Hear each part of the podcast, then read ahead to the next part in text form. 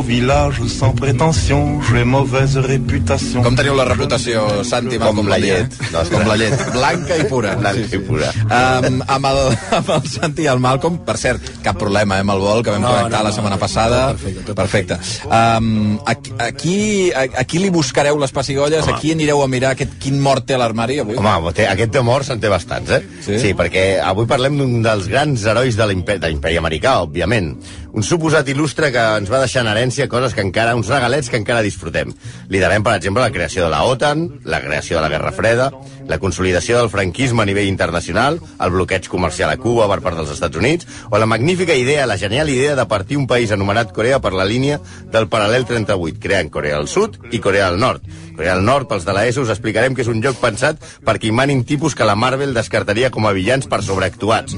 Un home sense més principi que una fòbia paranoide contra els comunistes i un militar d'oficina amb més reputació que èxits. Parlem de Dwight David Eisenhower, Ike. Eisenhower, eh? Sí, home. Sí, com els primers a conèixer Eisenhower és com a soldat. Fill d'una família d'origen alemany, quines coses, acabaria invadint el país dels seus avantpassats. Ike, que és com li deien, ingressa a l'Acadèmia Militar de West Point, després de desapuntar-se dels testimonis de Jehovà. Ja sabeu, aquests en corbata que et pregunten si coneixes a Jesús. I que en les seves creences renuncien a les armes. A veure, ja, fins ara tenim un fill d'emigrants alemanys que acabarà bombardejant el seu país d'origen i que creix educat amb una cultura ultrareligiosa de rebuig a la violència, però que als 18 anys s'apunta a l'acadèmia militar més famosa del món. O sigui, ja veiem La- que L'arrencada és bona. el personatge promet. Sí. La cosa és que eh, es fa militar més per manar que per anar a fotre trets. Ja. Ell és com un conseller delegat de l'exèrcit. Durant la seva joventut, la seva experiència en combat és minsa. No va més enllà d'una expedició de càstig contra Pancho Villa en 1917. És curiós veure com va començar lluitant contra Pancho Villa, va seguir contra Hitler i va acabar contra Stalin. Queda clar que aquest home al que no li agraden són els bigotis. A la Primera Guerra Mundial és el cap instructor de soldats. Sense trepitjar un camp de batalla, acaba la guerra com a major. Passa a l'estat major dels Estats Units com a cap de planificació abans de viatjar juntament amb MacArthur a Filipines com a assessor del govern que els japonesos es fumarien en tres setmanes. Quan comença la Segona Guerra Mundial és enviat a Londres com a enllaç militar amb el govern anglès. Per tant, diguem-ne que això de, primera, de la primera línia de combat no li anava. No. Ja, ja veiem que era un Anar a la guerra, però vaja. Exacte. Però dirigir. que- Els retaguardies. El consejero delegado. Sí, sí, ja veiem que era... La era un- gestió, la gestió és el seu, l'Excel. Exacte. Excel. Ell era un, un militar, diguem-ne, de despatx, i això li va portar molts problemes. Amb altres militars, com l'anglès Montgomery, un dia parlarem d'aquest egocèntric disfuncional, i els seus compatriotes Patton i MacArthur, dos tipus que pensaven que encara vivien al Far West. La rivalitat entre aquestes tres divas dels tancs, Patton, MacArthur i Montgomery, Divas dels tancs, és un concepte que no havia sentit Sí, mai. no, eren les primes dones, les primes dones de la, de, de la K-47. I va afavorir que ell, que passava per allà, i com aquests tres estaven barallant sempre, el fessin al cap per no, per no haver de triar entre un dels tres, no? Que aquests no tenien mai compter a ningú.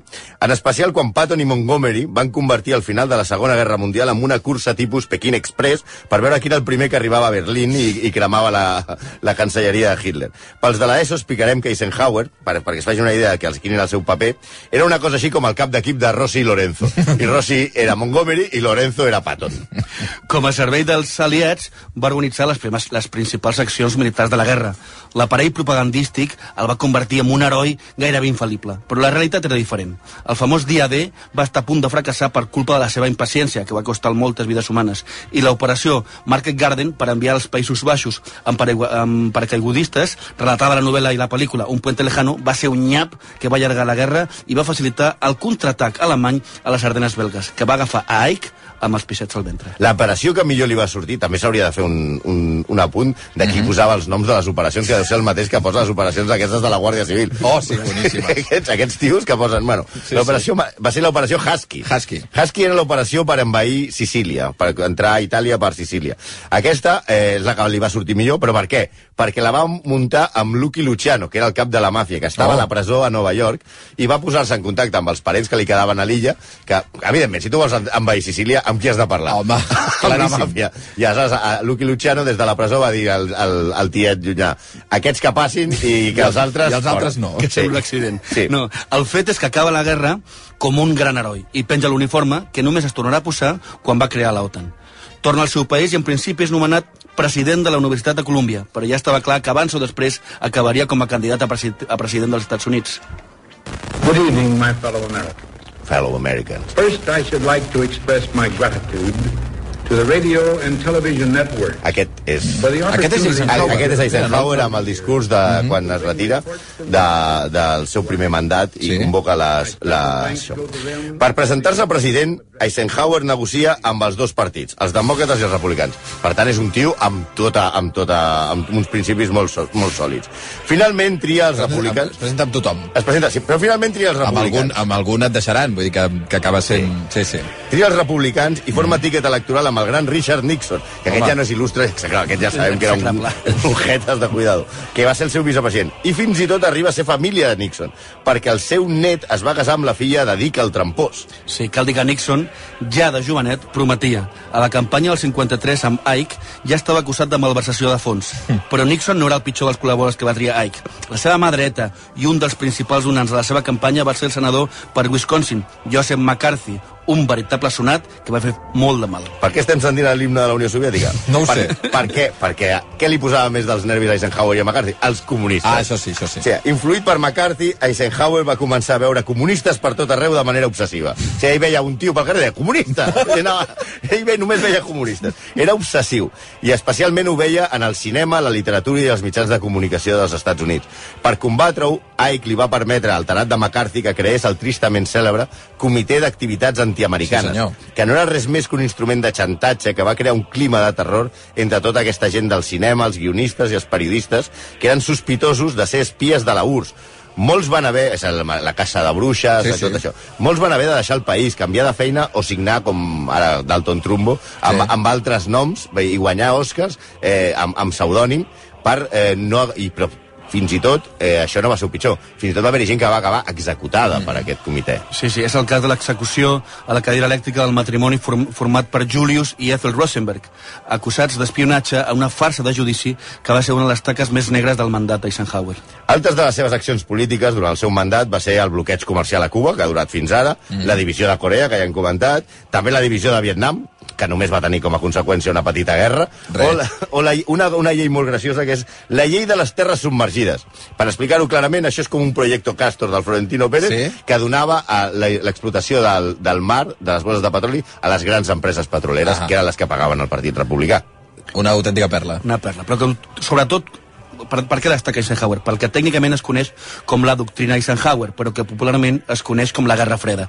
Ja sabeu, sense aquesta guer- guerra no existirien Chuck Norris, mm. eh, les, les de Rocky, etc. oh, clar, li, li devem molt. Li devem James moltíssim. Bond, Ni James Bond, etc. Una política que es podia resumir en juguem en contra de la URSS a qualsevol camp. El món es va convertir en un, immen, un immens taulell de risc on les dues grans potències patrocinaven guerres i cops d'estat per debilitar l'adversari, inaugurant la cursa armamentística mundial. El món, aquells anys, va viure obsessionat amb la Tercera Guerra Mundial, pendent de qui era el boig que primer apretaria el botó de la, dels míssils nuclears. Home, Hombre, aquí. Però els espanyols també tenim comptes pendents amb Ike. Ah, sí? Va ser ell el que va donar la legitimació internacional a la dictadura del general Franco. home, que simpàtic, mira. Sí, un- un- Eisenhower, clar. Clar, Ah. Espanya, en aquella època, era un país aïllat internacionalment que no estava a la ONU. Recordeu una famosa fotografia d'una manifestació contra la ONU a la Plaza de Oriente, que hi havia una pancarta que deia si ellos tienen ONU, nosotros tenemos dos. I, o era- M'encanta. Sí. I que només mantenia... Espanya en aquella època només mantenia relacions diplomàtiques amb l'Argentina de Perón, el Portugal de Salazar i, evidentment, amb la Santa Seu. Mhm. Sí, la visita d'Eisenhower a Espanya del desembre del 59, la primera d'un president dels Estats Units a Espanya, va suposar la normalització de Franco al món. El dictador ho sabia i va organitzar un Bienvenido Mr. Marshall King Size. Ike va aterrar a Torrejón el 21 de desembre i un milió i mig de persones el van aclamar al llarg dels 20 quilòmetres que separen la base. Espura, a- espontàniament, eh? Sí, no, no, no, t'ho pots no. imaginar. La gent anava boja per veure Eisenhower, sí, sí. Al carrer de la, de la capital havien penjat 60.000 banderes dels dos països. Van aparèixer soles. Sí. tot soles, 20.000 retrats que la gent tenia a casa seva de Franco, Bé, aquesta sí, potser sí que... sí. i un milió de bombetes i 360 projectors il·luminaven Madrid i es va construir arcs del tron amb, de, amb flors perquè la comitiva passés per sota. Franco va fer a Eisenhower, cuidado aquí, a ull a la dada, Sí. sí. alcalde honorari de Marbella. Oh, boníssim. Ja Perdona, saben. Eisenhower és alcalde... Alcal- bueno, ara ja no. Ja no, evidentment, però vull dir que tenia aquest títol d'alcalde honorable de Marbella. Sí, perquè el devien ensenyar a Marbella i li van fer alcalde honorari de Marbella. Després, clar, després s'entén de Jesús Gil, ho de Cachuli... No, no, és un precedent de duríssim, eh? Els àtics i totes aquestes coses. També el van fer membre honorari de la Federació Espanyola de Béisbol. A la seva dona, Mamie, doña Carmen Polo, la Collares, li va regalar dues mantilles perquè anés a missa. Ike, per la seva banda, li va regalar a Franco una copa de cristall de roca, diguem-ne que aquí no es va estirar massa no. al president. Hombre, si ets hombre, el president dels. Estats Units i t'arriba i només et dona una copa de cristall, però també li va donar una càmera de fotos Polaroid, que en aquell moment era una novetat absoluta, mm -hmm. que encara no es comercialitzava fora dels Estats Units. Amb la qual cosa em preocupa molt que segurament el primer selfie de la història d'Espanya el devia fer-se Franco i Ells Eisenhower. mateixos. Ells mateixos. Sí, Franco i Eisenhower, a més, es van caure força bé. Ah, molt bé. Sí, Franco home. considerava que Ike es podia parlar, amb, amb Mike es podia parlar perquè com a mínim és un militar. Però no en anglès, suposo. Mm, Això no. No, I la premsa i ell de tampoc en l'època- espanyol. No, això segur. La premsa de l'època destacava que es van explicar acudits i que Franco va fer riure a Ike. Ui, o sí. sigui, a mi un acudit de Franco em fa tremolar. Sí. César Vidal, ese gran hombre, diu que era un acudit de militars a sobre. O sigui, ja, Ah, sí, ja s'hi Sí, posa sí, jo, les... jo sé l'acudit, però és tan dolent que no, ni, No, no, no, ni, ho intentis. Ni, ni Ni ho intentis. Per la seva banda, Eisenhower per fi trobava al món algú que odiava els comunistes tant com ell i que a més permetia construir bases militars a Torrejón, Rota, Morón i Saragossa, a més de, de que no quedarien no es queixarien si a Palomares, posem un, un cas, Per- per- per que hi ha per error una bomba atòmica. Mm. Al sopar de gala del Palacio d'Oriente, Ike, Ike dormia en el Palacio de la Moncloa, Sí. també explica moltes coses d'això, eh, eh, l'alegria de Franco per tenir Eisenhower era tal que va arribar a dir una frase que mai haguessis pensat que la diria Franco. Cometes, nuestros dos países están alineados en el mismo frente de la paz y la libertad. I contra els comunistes, faltava. I Eisenhower li va respondre a Franco dient-li que la pau és la nostra professió. Sí. S'ha de tenir jeta i ser barrut. Aquella visita va permetre que el món veiés el franquisme com una cosa normal i no com una dictadura emparentada, com fins aleshores, amb Mussolini, Hitler i Franco va arribar d'aquí fins al 75 amb total tranquil·litat. Gràcies, Eisenhower, per mm, Contigo empece todo, sí, segurament. Uh, moltes gràcies, Santi, moltes gràcies, Malcolm. La setmana que ve, uh, clar, és, és Sant Jordi. Sant Jordi, i, i ja ens fotrem directament a Montsant. Ah, sí? Amb Sant Jordi. Ah, Sant Jordi. Sant Jordi. Sant Jordi té l'armari ple de morts? Però hi haurà sorpreses, també. Eh? Ah, hi haurà sorpreses. Hi haurà sorpreses. Perfecte. Però ens Doncs- fotrem amb Sant Jordi. Doncs veurem la setmana que ve, que Sant Jordi, hi ha programa especial de RAC1. que un editor es foti amb Sant Jordi té Sí, collons. sí, sí, sí, sí. Això em donarà mala sort, ja ho Ja ho veurem. veus. Uh, gràcies, Santi, gràcies, Malcolm. De seguida, els pantalleros. Via lliure amb Xavi Bundó. Bien entendu,